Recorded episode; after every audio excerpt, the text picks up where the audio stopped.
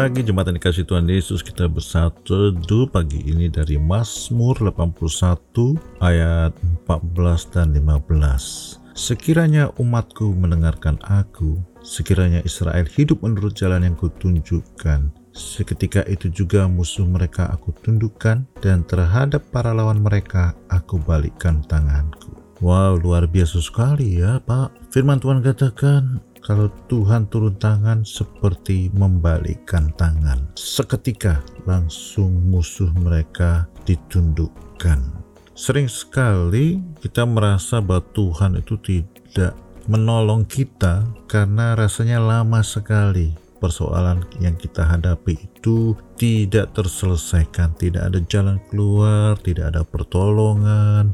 Lalu kita bertanya di mana Tuhan? Padahal menurut firman Tuhan kalau Tuhan turun tangan itu seperti balikan tangan ya, membalikkan keadaan dari yang buruk tiba-tiba jadi baik sama sekali.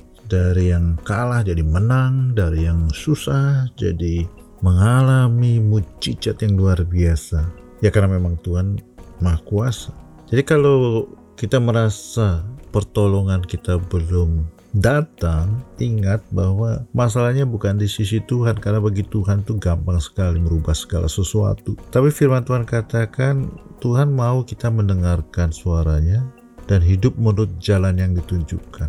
Jadi sebaiknya daripada kita menunggu-nunggu pertolongan Tuhan, lebih baik kita mencari tahu tuntunan Tuhan untuk kita dan mematuhinya. Sebab yang menunda pertolongan Tuhan bukannya karena Tuhan tidak mampu, tetapi karena kita menutup diri. Ya, mungkin karena kita merasa kita bisa mengandalkan pikiran kita, kepintaran kita, kemampuan kita, sehingga kita tidak cukup terbuka untuk mendengar tuntunan Tuhan dan mematuhinya.